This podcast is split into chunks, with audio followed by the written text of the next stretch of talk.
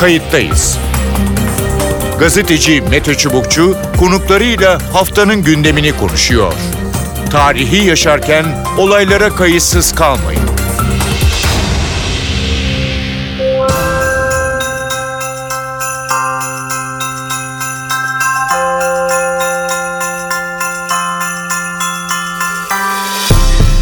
Günler bir kayıttayız programıyla daha karşınızdayız. Tarihe ışık tutmak ve olan biteni anlamak için önümüzdeki dakikalarda sizlerle birlikte olacağız.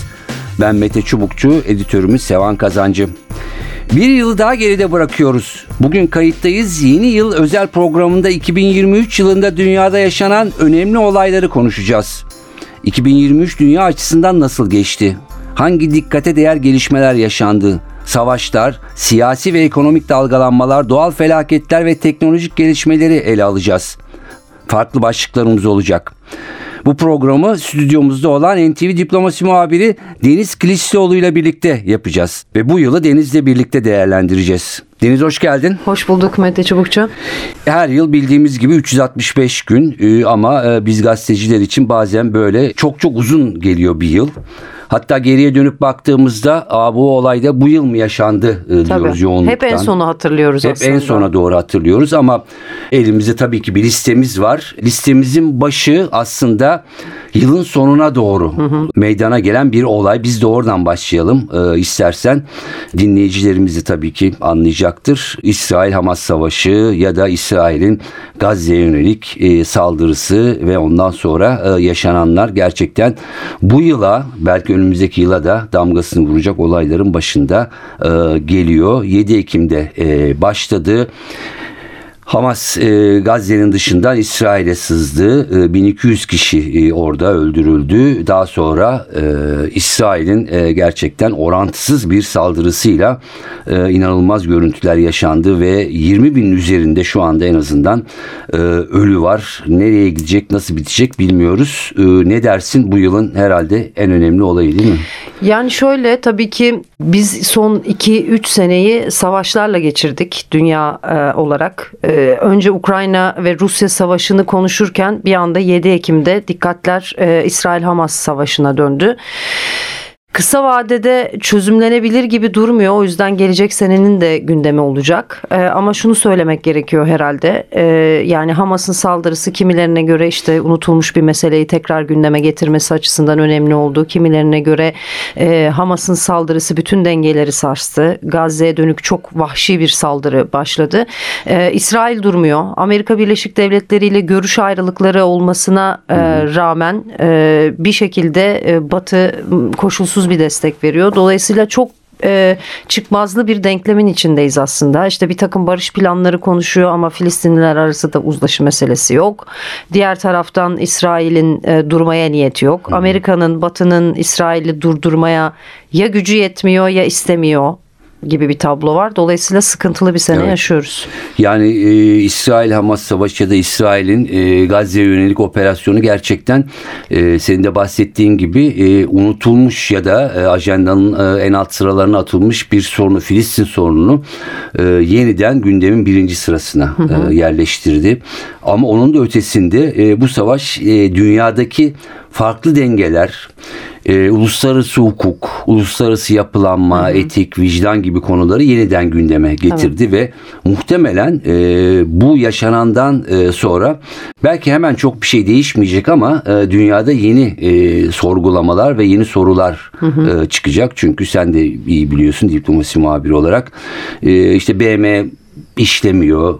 O beşli yapı işletmiyor, karar alınamıyor, karar alınsa bile e, uygulanmıyor ama orada insanlar hayatını kaybetmeye e, devam ediyor. E, bence gerçekten bu yıla damgasını vuran e, ve 2024'te de e, çok konuşacağımız ve nereye ulaşacağını bilmediğimiz bir vahşetle e, karşı karşıyayız. E, onun için e, bu yılın herhalde bir numaralı e, olayı diyebiliriz. Yani hem en son e, yaşanması itibariyle çok hafızalarımızda taze hem 20 bin binin üzerinde Filistinli ölmüş durumda. Ateşkes planları masaya konuluyor ama e, oradan Gazze'den Filistinlileri göç etme göç etmeye zorlama gibi bir e, plan içeriyor. Filistinliler gitmek istemiyorlar haklı olarak. Mısır'ın itirazları var. Bir ateşkes planından bahsediliyor ama çok da rasyonel ve e, uygulanabilir bir plan değil. Daha iyi iç siyasetini o anlamda e, İsrail'in biliyorsun e, Netanyahu'nun içeride bir sıkışmışlığı var ama diğer taraftan e, orada da kendi içinde yekpare bir yapı olmaya çalışan bir İsrail e, hükümeti, bir savaş hükümeti var. Ama kendi içlerinde de itirazları var e, Netanyahu'ya. E, farklı farklı isimler e, geçmişte Savunma Bakanlığı yapmış gibi isimler artık yeni bir isimle mi yol almalıyız şeklinde e, fikirler ortaya atılıyor. Yani belli denklemler değişmeden sanki çok çözüm bulunabilecekmiş gibi durmuyor sanki bu savaş ne e, dersin? Yani bugünden yarına belki çok bir şey değişmeyecek ama e, şundan e, eminim şunlar değişecek. Bir İsrail'deki iç politika değişecek. Netanyahu'nun siyasi hayatı bitecek. Evet e, İsrail kamuoyu e, saldırının arkasında ama Netanyahu'nun karşısında. E, bunu biliyoruz. İkincisi Filistin iç siyasetinde dengelerin hepsi e, değişecek ve Orta Doğu'da yeni bir kurgu e, olacak. E, çünkü bundan kaçınıyor, kaçınıyorlardı. Özellikle Arap ülkeleri. Bu arada tabii en parantezi de açmak lazım. Yani e, bir takım yapılar işlemiyor diyoruz. BM vesaire falan ama tabii Arap Birliği, İslam Teşkilatı Örgütü gibi e, örgütler de bu konuda e, çok yetersiz Tabii. e, kalıyor. Yani bir anlamda bir turnusol kağıdı oldu. Ee, yani Hamas bu başlattığı 7 Ekim saldırısıyla tüm bunların ortaya çıkacağını tahmin ediyor muydu? Ee, çok ondan emin değilim. Ee, ama sonuçta dünyada bu tür e, hiç beklenmeyen gelişmeler ya da sonucu nereye sonucun nereye varacağını bilinmeyen olaylar böyle bir takım sürpriz gelişmelerden meydana gelebiliyor. İsrail e, saldırısı, e, Gazze saldırısı e, derken da o güne kadar konuştuğumuz bir mevzu vardı. O ikinci, üçüncü plana atıldı. E, neredeyse konuşulmaz oldu. Ukrayna-Rusya savaşı ya da Rusya'nın Ukrayna işgali ne dersin? Şimdi tabii o e, 24 Şubat 2022'de başlayan e, bir savaş e, konuşuyorduk. E, zaman zaman Ukrayna'nın e, direnişi Rusya'ya karşı zaman zaman karşı taarruza e, geçmesi ama bunda yeterli e, olamaması diğer taraftan Rusya'nın kendi askeri düzleminde yaşadığı sıkıntılar ama Amerika Birleşik Devletleri başta olmak üzere Batı'nın Ukrayna'ya desteği. Ee, şimdi bu konuda da bir çatallaşma başladı. Evet. Ee, özellikle İsrail Hamas saldırısından sonra e, Ukrayna'ya verilen yani bir gündemden düştü. Bu bir kere Ukrayna yönetimini çok rahatsız etti. Çünkü Rusya üzerinde bir baskı kuruyordu sürekli Rusya gündemde ve Putin olması. bundan e, memnundu. Yani eminim bu savaşın başlaması en çok herhalde Putin'e yaradı. O anlamda bir e, gündemden düşmesi Ukrayna tarafını çok rahatsız etti. İki, Amerika Birleşik Devletleri içerisinde e, ve Batı'da yani evet Ukrayna'ya e, destek veriliyor. E, Bunu bir anlamda Rusya'ya karşı yani bir Rusya-NATO savaşı olarak gören bir Batı var. Ama diğer taraftan Amerika Birleşik Devletleri içinde özellikle kongrede e, artık bu kadar e, fazla e, yatırımın, bu kadar fazla paranın farklı ülkelere akıyor olmasından duyulan rahatsızlık Biden üzerinde büyük etki yaratmış durumda. Bir takım tasarılar engellenmiş durumda e, geçmiyor kongreden. Sanki biraz Ukrayna yönetiminin de e, doğru bir ifade olur mu bilmiyorum. Lütfen sen beni düzelt o anlamda. Çünkü batılı yetkililerden zaman zaman duyduğumuz şey bir şımarık çocuk gibi davranıyor e, Ukrayna. Sürekli bir şey talep ediyor. Hep daha fazlasını talep ediyor. Tabii burada perspektifi diğer taraftan Evet. baktığınız zaman zaten Rusya'nın önüne belki Ukrayna'yı atan Batı'ydı. Bu da başka bir boyutu işin ama bunlar da Batı'yı çok rahatsız ediyor artık. Dolayısıyla böyle o da bir sarmala girmiş durumda ama herhalde yeni anlaşma ihtimalleri bu süre zarfında yazıldı çizildi. Putin artık masaya oturmaya hazır. Kazanılmış yerler itibariyle burada kalalım Evet. fikrine yakın mı? Ne dersin? Bir e, 2024'te görür müyüz ya şimdi bu konuda kulisler devam ediyor anladığımız kadarıyla. Ee, yani el altından görüşmeler bir şekilde e, işte Ukrayna'yı da e, ikna etmek. Çünkü Rusya işte yüzde yirmisini işgal etti ve orada artık yerleşti hatta ilhak etti. Ee, Rusya o işgali kendine göre e, karı olarak görüyor. E, tabi burada şöyle bir şey oldu. Bu sene e, bahar ve yaz aylarında e, Batı'nın senin de bahsettiğin gibi bu e, yoğun silah e, mühimmat yardımıyla büyük bir taarruz bekleniyordu. Fakat kış boyunca Ruslar çok ciddi bir savunma hattı kurduğu için bu taarruz başarılı olmadı. Yani hatları aşamadılar. E, hoş bu tabii Rusya'yı da meşgul ediyor. Yani onun ekonomisini, askeri yapısını vesairesini Amerika'nın da biraz işine de e, geliyor. E, bu arada işte tahıl koridorunu da şey yaptı, e, kaldırdı. Yani Ruslar e, yani bu bizim işgal ettiğimiz topraklarda kalalım, onun e, üzerinde bir anlaşma yapalım gibi bir noktaya e, getirmeye çalışıyorlar. E, Batı'nın tabii ki bir şekilde hem ekonomik hem askeri olarak biraz sabrı yavaş yavaş e, tükeniyor e, ve bir tıkanma e, savaşı gibi bir e, durum e, söz konusu. Ya tıpkı Birinci Dünya Savaşı'ndaki cephe savaşları gibi. Ve önümüzdeki yılda e, devam edecek. Amerikan seçimleri var. Ne kadar ilgi e, gösterecekler vesaire E, bunların hepsini e, göreceğiz. Ama bir e, ne derler? Karşılıklı yıpratma savaşı gibi devam eden çok fazla bundan öte sonuca ulaşacak gibi görünmüyor. İşte AB'yi alırlar mı? NATO çok uzaklarda diyelim. Ee, buradan hemen aslında olayın çıkış noktası da Ukrayna'nın işte NATO'ya üye olma e, isteğiydi. Oraya geçeceğiz. E, NATO derken Rusya-Ukrayna Savaşı Avrupa e, güvenlik mimarisini de neredeyse e, yeniden şekillendirdi. E, NATO'dan bahsediyoruz. E, NATO e, bu vesileyle çok daha güçlenerek Rusya sınırına e, yaklaştı, yığınak yaptı, e, sınırını uzattı. E, bu arada çok tarafsız kalan ülkeler e, çok uzun yıllar boyunca da NATO'ya e, katılma isteğini belirtti. Finlandiya e, girdi. Burada tabii Türkiye çok kilit roldeydi. E, bir takım ta, haklı taleplerle önce biraz tabii ki o taleplerin yerine gelmesini bekledi. Finlandiya yerine getirdi. Kabul edildi ama İsveç sırada e, çünkü İsveç'le ilgili hala bir takım soru işaretleri e, var. E, bu senenin konularından biri ve önümüzdeki seneyi de sarkacak. Ne dersin? İsveç'in NATO üyeliği ve Türkiye'nin buradaki tavrı ya da konumu. En son gelişmeyle başlayalım. Önemliydi. Ee, bir süredir mecliste bekliyordu. Evet Vilnius'taki zirveden sonra Cumhurbaşkanı bir takım adımların atılmasını e, talep etmiş ve İsveç'in bu anlamda doğru adımlar atmadığını düşünerek o e, protokol meclise sevk edilmemişti. Yani üye olabilmesi için tabii NATO'ya e, Türkiye'nin bunu meclisinden geçirmesi gerekiyordu. İlk etapta Dışişleri Komisyonu'ndaydı. Bir görüşüldü. Sonrasında o mesele askıya alınmıştı. Yani oylama yapılmadan ertelenmişti Dışişleri Komisyonu'ndaki o e, süreç. Ne zaman olacak diye beklerken mesele geçti. E, komisyondan geçti. Şimdi genel kurul aşamasından da geçtikten sonra artık önünde bir engel kalmayacak İsveç'in. Tabii bir Macaristan'ın da onay vermesi gerekiyor. Ondan Ama Türkiye sonra verdikten sonra herhalde Macaristan da zaten e, Kuvvetle muhtemel öyle olur. Onlar da biraz bizi kolluyorlardı herhalde. Dolayısıyla e, önümüzdeki e, yılın ilk ayında herhalde ilk aylarında bu süreç tamamlanacak. Türkiye açısından tabii önemli bir şey. Evet. E, F-16'larla biraz eşleştirmişti. Yani eş zamanlı yapalım e, çağrıları gelmişti Cumhurbaşkanı'ndan. Amerika Birleşik Devletleri'nde görüşmeler olmuştu. Açıkçası ben diplomasi muhabiri olarak şeyi merak ediyorum yani.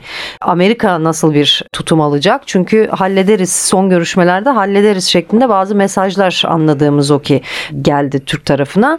E, bakalım gerçekten Amerika Birleşik Devletleri Türkiye'nin o F-16 talebini kongresinden geçirebilecek mi? Bu da bir başka soru işareti şimdi madalyonun diğer tarafı ama İsveç açısından sorun çözülmüş gibi en azından Türkiye açısından görünüyor genel kuruldan da geçerse. Evet Türkiye e, bir anlamda tırnak içinde bir kaldıraç olarak e, kullanıyor. Çünkü NATO'da bir üye e, hayır dediği zaman geçmiyor. Yani dinleyicilerimiz onu da e, hatırlatalım ki bu Türkiye e, NATO ilişkilerinde çok tartışıldı bütün yıl boyunca. İşte NATO'da kalsın mı çıksın mı diye. E, yani ben Türkiye'nin her zaman NATO'da e, kalmasını e, çünkü e, hem savunması hem ilişkileri ve hem elindeki bir koz olarak çok önemli bir e, zemin olarak e, görüyorum e, NATO'yu.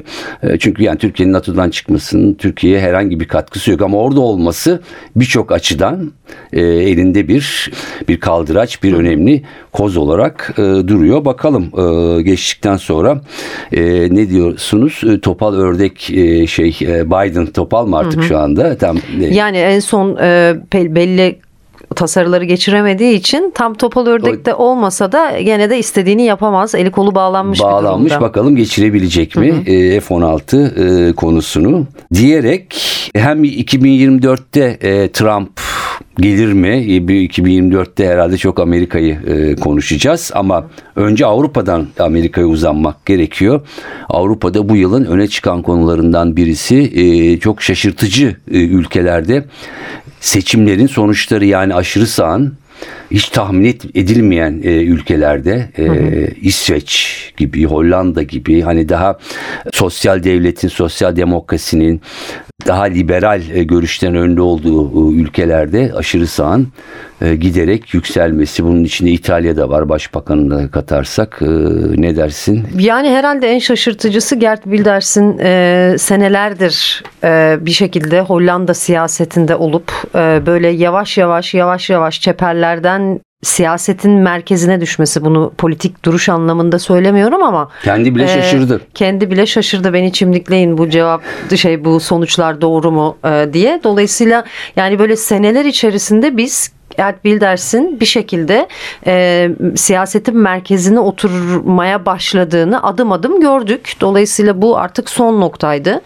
E, tabii sen daha iyi biliyorsun o anlamda İsveç'in NATO üyeliğini tartışırken işte belli adımları atması bekleniyordu ama diğer taraftan hem İslamofobi hem de aşırı sağ yani kendi cephelerinden, kendi bakış açılarından bir e, korumacı e, boyuta geçildi. Evet. Yani bütün ülkeler bir anlamda daha ulusalcı, daha sınırlarını yükselten ve kendi içine kapanan bir boyuta e, evriliyor.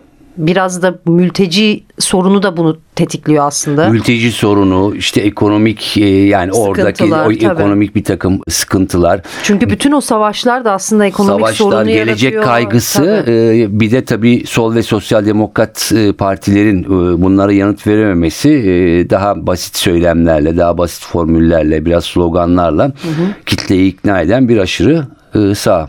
Dolayısıyla o aşırı sağ bütün bu gerekçelerle yükselmeye başladığı zaman bu sonuçlar aslında e, çok şaşırtıcı olmuyor. Yani Amerika kıtasında e, gördüğümüz e, şey biraz e, Avrupa tarafında uzun yıllardır görülen yani orada belki çok daha sembolik çok daha çılgın isimleri görüyoruz belki Amerika kıtasında ama burada da artık yavaş yavaş onun rüzgarı o yelken doluyor yani. oluyor. Şeyi e, hatırlatacağım bir fotoğraf vardı. Wilders, efendim Trump, Boris Johnson e, ve Arjantin'in e, eli testereli, e, beyzbol sopalı e, işte bakanlıkları kapatacağım e, diyerek gelen böyle çılgın hani e, ne dediği çok belli olmayan bir e, başkan seçildi değil mi? Evet. Yani şimdi tabii Milley e, farklı bir karakter. Hatta sanki Trump'tan daha ne denir? Ne ne demek lazım? Tırnak içerisinde Yani daha deli mi? bilmiyorum yani siyasi bir karikatür gibi ama sonuçta Arjantin halkı da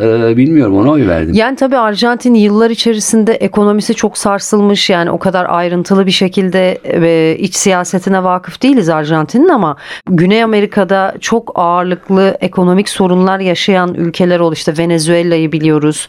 Ki genel olarak Güney Amerika'da e, sol iktidarların Tabii Brezilya'da Lula var Evet. mesela. baskılandığı belli bir dönem böyle domino taşı gibi o solun devrildiği sonra tekrar güç kazandığı bir süreçler yaşadık ama bakıldığı zaman mesela Milley Güney Amerika'da da Trump gibi orayı tutacak Arjantin'i tutacak demek ki karşılık buldu ki söylemleri ya da o hale tavrı e, Arjantin buna yanıt verdi Yani ve öyle bir kayış var. Yani Avrupa'dan başladık ama Güney Amerika e, bir de muhtemelen Trump yani bakılıyor şimdi şeylere e, değil mi? E, ihtimali yükseliyor Trump'ın tekrar gelme sanki e, Biden olur mu yeni bir aday bulurlar mı ama e, sanki dünyada öyle bir e, eğilim giderek artıyor gibi. Sanırım ilk bölümün sonuna geldik.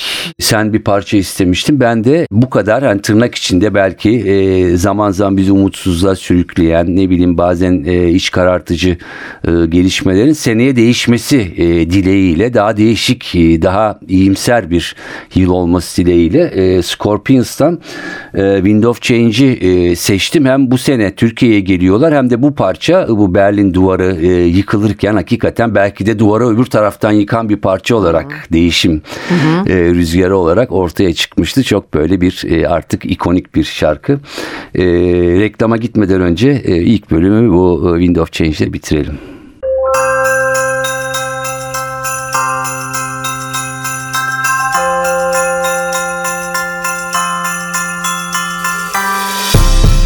Yeniden merhaba. Kayıttayız'ın 2023 yılında dünyada yaşananları değerlendirdiğimiz e, bölümündeyiz. E, ikinci bölüm e, Deniz Kilisoğlu NTV Diplomasi muhabiri ile birlikte değerlendiriyoruz. E, evet Deniz e, bu sene aslında tabii ki doğa olayları maalesef Türkiye'de bundan etkilendi. Şubat'taki deprem. Daha sonra yaz aylarında Libya'daki inanılmaz bir sel felaketi ve neredeyse son e, yüzyılların e, belki de e, yani e, abarttım sanmıyorum en sıcak e, yılı. Yani uzmanlar iklim e, değişikliği, küresel ısınmanın artık bir iklim krizine dönüştüğünü ve dünyada bir beka meselesi haline geldiğini e, söylüyorlar. Bu yıl gerçekten e, iklim krizi çok etkili oldu. Biz de kendi ülkemizde de yaşıyoruz bunu. Ee, artık seller daha büyük felaketler geride bırakıyor. Aşırı yağışlar daha fazla oluyor. Aşırı kuraklık daha fazla oluyor. Tabii bunu iklim bilimciler çok net bir şekilde ortaya koyuyorlar. Yani karbondioksiti gökyüzüne e, ne kadar çok salarsanız o kadar çok karşılığını alırsınız diyorlar. Kömür, Bunu da petrol, aşırı doğalgaz. Evet, bunları e, atmosfer sa- atmosfere salındığı zaman karşılığında e, yer küre ısındığı için e, seller daha yoğun bir sel, daha sıcaklıksa daha sıcak Evet. günler yaşayacaksınız. Yani her şeyin aslında katmerleniyor yani. Bu tarımı etkiliyor, gıdayı etkiliyor, suyu etkiliyor, toprağı etkiliyor. Yani aslında çok hayati bir noktaya e, dünya gidiyor. Bütün bu yani göçlerin vesairenin bu yüzden artacağı da söyleniyor. Tabii zaten e, Afrika'da da bunları görüyoruz. Yani aşırı kuraklık, suya erişememe. Yani düşünsenize bir yerde yaşıyorsunuz ve o nehirler kuruyor ve ondan sonra su bulabilme ihtiyacıyla bir e, köy, bir kasaba toplu halde suyun bulunduğu yere doğru gitmeye çalışıyor. Bütün bunlar yani sadece savaşlar değil, iklim krizi de göçlere yol açıyor. Bu çok dramatik bir şey. Zaten genellikle Birleşmiş Milletler evet soruna çözüm bulamamakla başta eleştiriyoruz. Hala da e, pek çok şeyde başarılı olunamıyor ama en azından gündemde tutmak anlamında yani bir Birleşmiş Milletler Genel Kurulu toplantısında bile e, bütün oturumlara baktığınız zaman yüzde neredeyse 40'ı 50'si oturumların iklim krizi ve geleceğe dair e, sorunlar.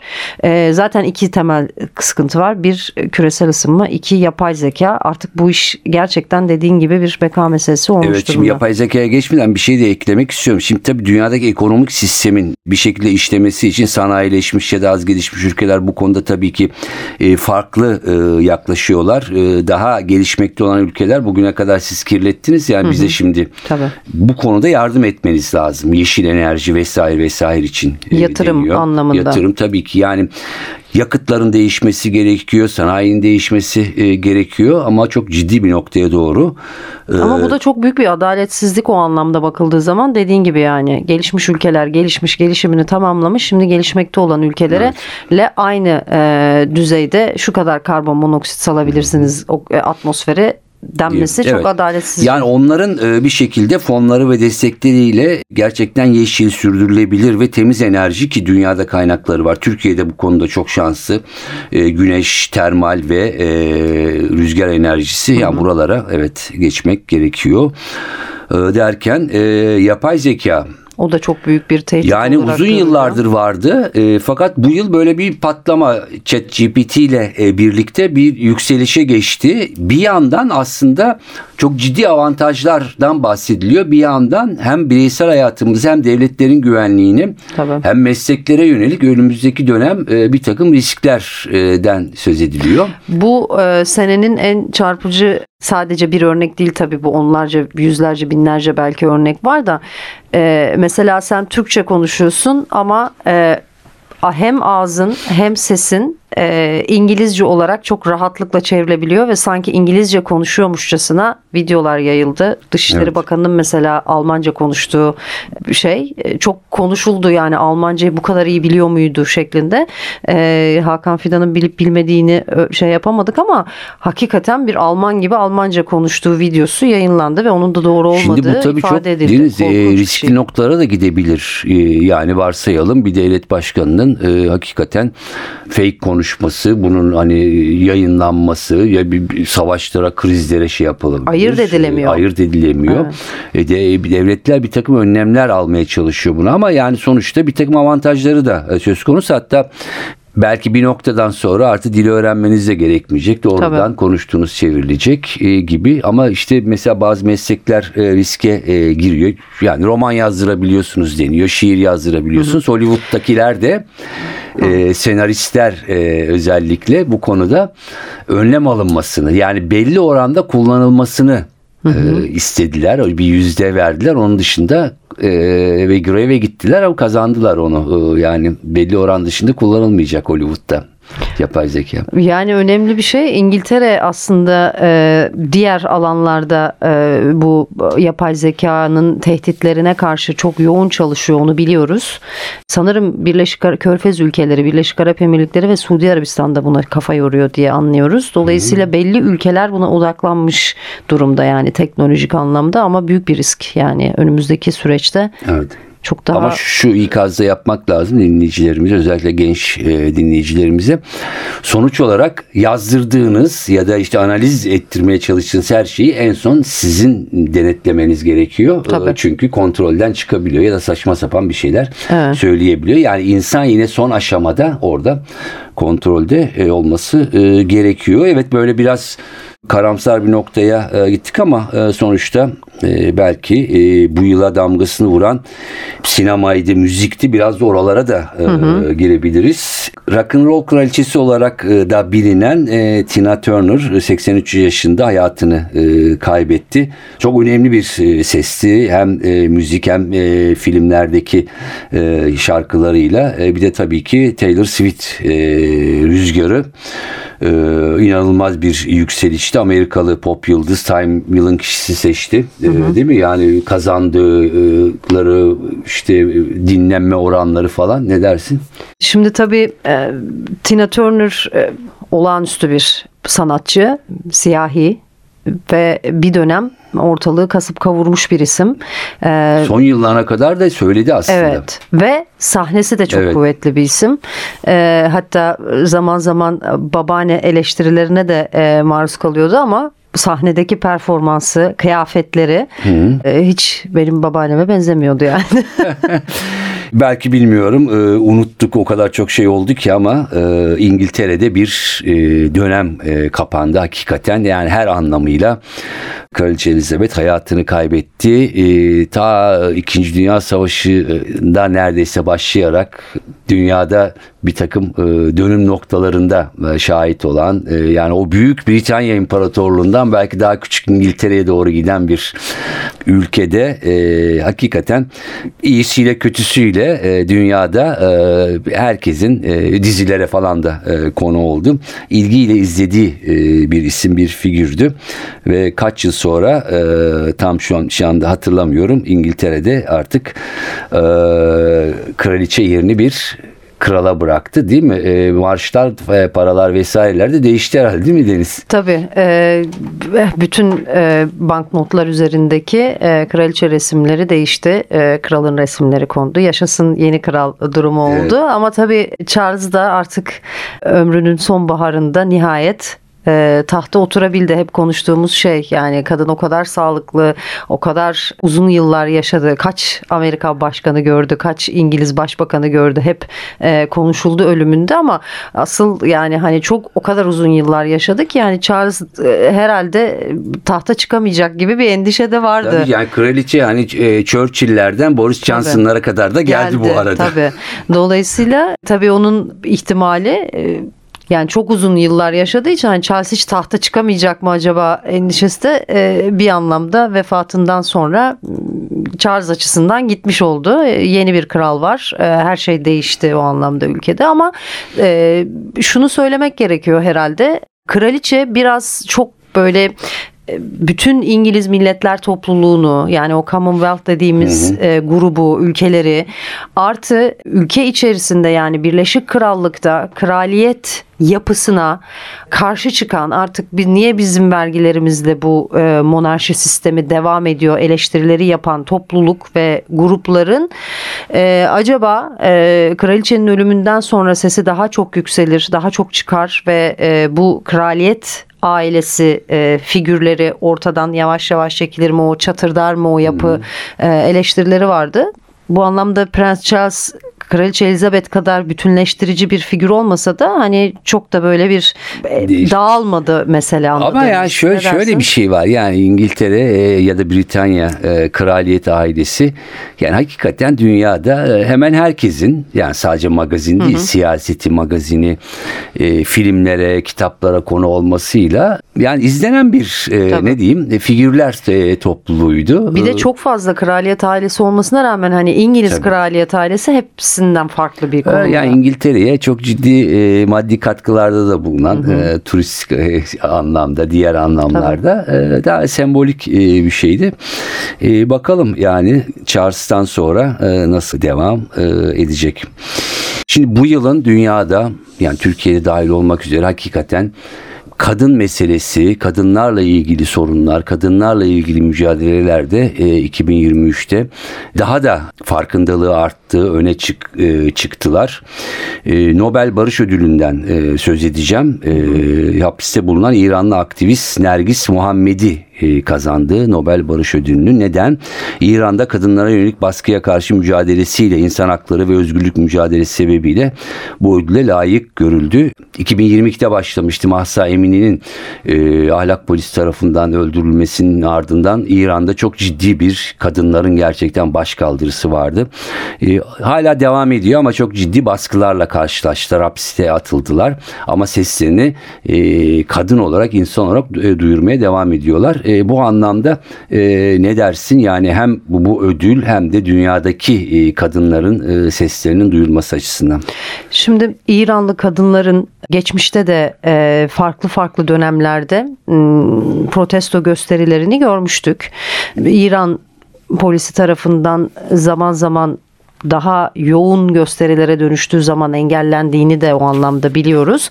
Ama e, İranlı e, kadın arkadaşlarımızla konuştuğumuz zaman onların hep söylediği şey yani hani böyle bir devrim, değişiklik, e, İran'da rejimi değiştirecek düzeyde bir takım dönüşümler yaratabilecek protestolar değil belki ama damla damla damla damla seneler içerisinde gelen protestolar olarak görmek lazım bunları yorumlarını yapmışlardı arkadaşlar. Dolayısıyla e, bu bir rejim değişikliği meselesine dönüştürmek konusu değil ama e, kadınların haklarını sokaklarda protesto etmek ki o dönem e, ahlak polisi de biraz sokaklardan geriye çekilmişti hatırlayacaksın.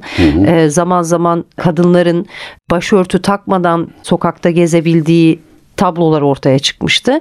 Dolayısıyla aslında biraz karşılıklı adımlar o anlamda atılmıştı. Ha, sonrasında gene yönetim tarafından e, bastırılan ıı, protestolar oldu ama şunu söylemek gerekiyor. Nobel Barış Ödülü'nün bu dönemde veriliyor olması e, muhtemelen İranlı kadınlara e, yani İranlı aktivist Nergis Muhammedi'ye veriliyor olması hem tabii ki onun çabaları hem de konjonktürel olarak e, İran kadınına bir anlamda destek çıkmak, onlara bir selam çakmak olarak hı hı. E, yorumluyorum. Bu asla e, hak etmediği anlamında düşünülmesin ama Nobel'in e, bu anlamda e, bazı spesifik kararları böyle sembolik kararları verdiğini de biliyoruz. Bütün Tabii yapılanların üstüne. Evet. E, nereden devam edeceğiz? E, Türkiye'de artık e, baş tacı olan kadın voleybolcularımızdan e, Dünya Milletler Ligi e, şampiyonu, Avrupa e, şampiyonu.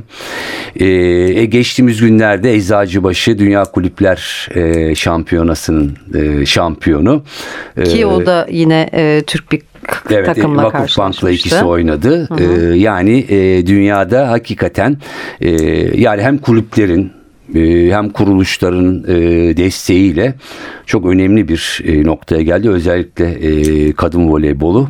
E, bence bu yıla damgasını vuran önemli olaylardan birisi. Kesinlikle öyle. Bir de sanırım şunu da başardı kadınlar. Sen tabii kızlarından dolayı voleybola çok çok daha ilgilisin. O anlamda maçları geçmiş dönemde de çok yakından takip ediyordun. Ben biraz daha denk geldikçe izleyebiliyordum. E, bu sadece başarıyla birlikte izlenme oranı değil ama e, tabii ki başarı geldikçe bütün toplumun, bütün kesimlerin bir dakika ne oluyor Evet. ilgisi artıyor. Ee, bir dakika ne oluyor diyor insanlar. Dolayısıyla yani futbol maçlarında, dünya kupalarında böyle e, geçmişte kaç yılında kazanmıştık hatırlamıyorum. Üçüncü e, olmuştuk. 2002'de. 2002'de yani o dönem sokakları hatırlıyorum işte bir maç e, ortamları yaratılırdı işte izlemek için insanlar gün ortasında ki Seul'de yapılmıştı galiba değil mi? Seul saat farkından dolayı gün içine denk geliyordu yani böyle biz izliyorduk böyle barko vizyonlarda ona benzer bir auranın yaratılmış olması kadınların başarısı ve sonuç da geldi. Tabii. Dolayısıyla bence çok değerli bir iş Yani şöyle bir şey yani artık iş voleybolu açtı hakikaten hani Hmm. e, imkan sağlanır desteklenirse yani kadınların neler yapabileceğini genç kızların neler yapabileceğini e, ben onun için destek veren gerçekten e, kulüplere kurumlara e, hepsine teşekkür ediyorum. Hele ki 100. yılda. 100. Cumhuriyet'in yılda çok 100. çok yılında gerçekten önemli ama bu anlamda e, federasyon yetkililerine de buradan sesleneyim. Altyapıya çok önem versinler salon yaptırsınlar salon sıkıntısı e, çekiyorlar. Sadece üst yapı olarak e, değil. Binlerce şu anda e, genç kız Tabii, e, çok da ilgi duydular. evet ilgi duydu. E, bu çok çok önemli e, bir şey. Onları da buradan e, tebrik edelim. E, hatta e, bir sporcumuz yani affetsin beni unuttum. Yani biz artık e,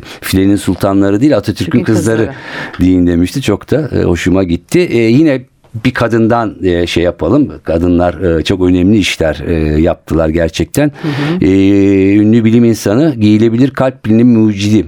Türk fizikçi Canan Dağdeviren. Dağdeviren meme kanserini teşhis eden elektronik sütyen e, geliştirdi. E, Bunun ne anlama geldiğini kadınlar çok iyi bilir. Çünkü hakikaten e, zor bir şey.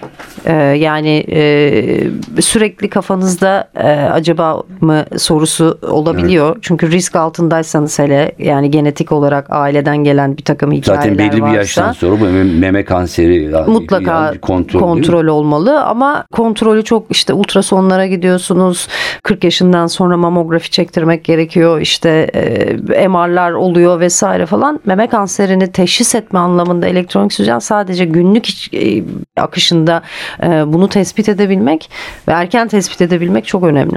Evet e, yavaş yavaş sona herhalde e, geliyoruz. E, kadınlarla e, başladık. Kadınlarla e, bitirelim. E, ilk bölümde söylemiştik ama detayına giremedik. Taylor Swift yani bu seneyi kırdı, e, geçirdi. E, keşke imkan olsa Türkiye'ye de gelse. Çünkü e, bir turneye çıkıyor herhalde. E, mi- e, binlerce kişi. Daha sonra sosyal medyadan milyonlarca e, kişi kazandıkları e, vesaire e, bu sene e, Time'da yılın e, Time dergisi e, yılın kişisi seçti Taylor Swift'i. Şimdi tabii e, öncelikle 34 yaşında olduğunu söyleyelim. Çok genç bir yaş. E, 34 yaşında e, Amerika Birleşik Devletleri e, doğumlu ortalığı e, Eras Tur'la yıktı geçirdi dediğin gibi. Konser başına biz hemen şey yaparız ya konser başına ne kadar alıyor acaba? Hep bu yorumlar yapılıyor işte yılbaşı yaklaşırken yılbaşı akşamı kaça çıkıyor sanatçılar yorumları yapılır ya. Konser başına e, 10 ila 13 milyon dolar kazandığı e, söyleniyor ve yani genel olarak bakıldığı zaman konser biletleri, filmler, işte telif hakları vesaire diye düşündüğünüzde 1.8 milyar dolarlık bir gelirden bahsediyoruz. Muazzam bir rakam. Ama onun ötesinde e, şarkılarını, e, sahne şovlarını e, son derece başarılı bir şekilde bir tura koyup e, dünyayı gezmesi ve o anlamda e, herkese ulaşabilmesi. E, tabii Amerikalı olduğu için belki biraz daha kolay. Hani daha küresel anlamda herkese ulaşabilmesi açısından ama Time dergisi 34 Evet. yaşındaki bu kadına gerekli e, ödüllendirmeyi İyi yapmış, yapmış. bence.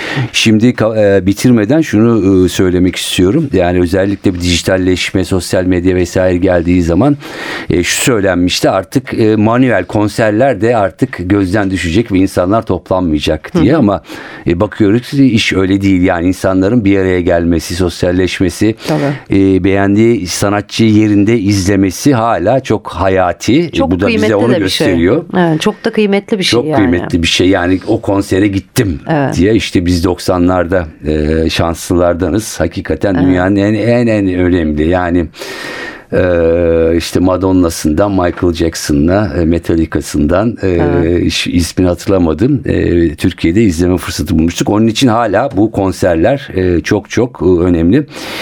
Deniz çok teşekkür ediyorum. Ben teşekkür Deniz ediyorum. Kılıçdaroğlu biliyorsunuz NTV Diplomasi Muhabiri 2023 yılını birlikte değerlendirdik. Umarım e, hep ben şöyle derim 2024'te biz gazetecilere daha az e, iş düşmesi dileğiyle e, derim. Çünkü e, gerçekten Bunu e, dilemesem mi acaba? Çünkü daha da çok çalışıyoruz o zaman dilediğimiz zaman. e, çünkü hakikaten e, başta söylediğimiz gibi e, senenin sonunda Aa, bu da bu yıl mı oldu dediğimiz e, olayları hatırlamakta zorluk e, çekiyoruz. Daha iyi bir e, dünya, daha iyi bir e, yıl, daha savaşların az olduğu, e, daha barışın hakim olduğu, kavga dövüşün daha az olduğu Seslerin daha az yükseldiği e, bir yıl diliyorum e, Deniz e, sana. e, Çok ve, teşekkür e, ediyorum. Ben de dinleyicilerimize, e, dinleyicilerimize yine aynı E, şekilde. Taylor Swift'le e, kapatacağız ama editörümüz Sevan Kazancı, prodüktörümüz Cengiz e, Saral e, stüdyoda e, bizlerle birlikte. Onlara da teşekkür ediyorum ve bütün e, kayıttayız dinleyicilerine e, bizi takip ettikleri ve ede- edecekleri için de onların da yeni yılını e, kutlayarak Taylor Swift'le e, bu yılı kapatıyoruz. Hoşçakalın. Hoşçakalın.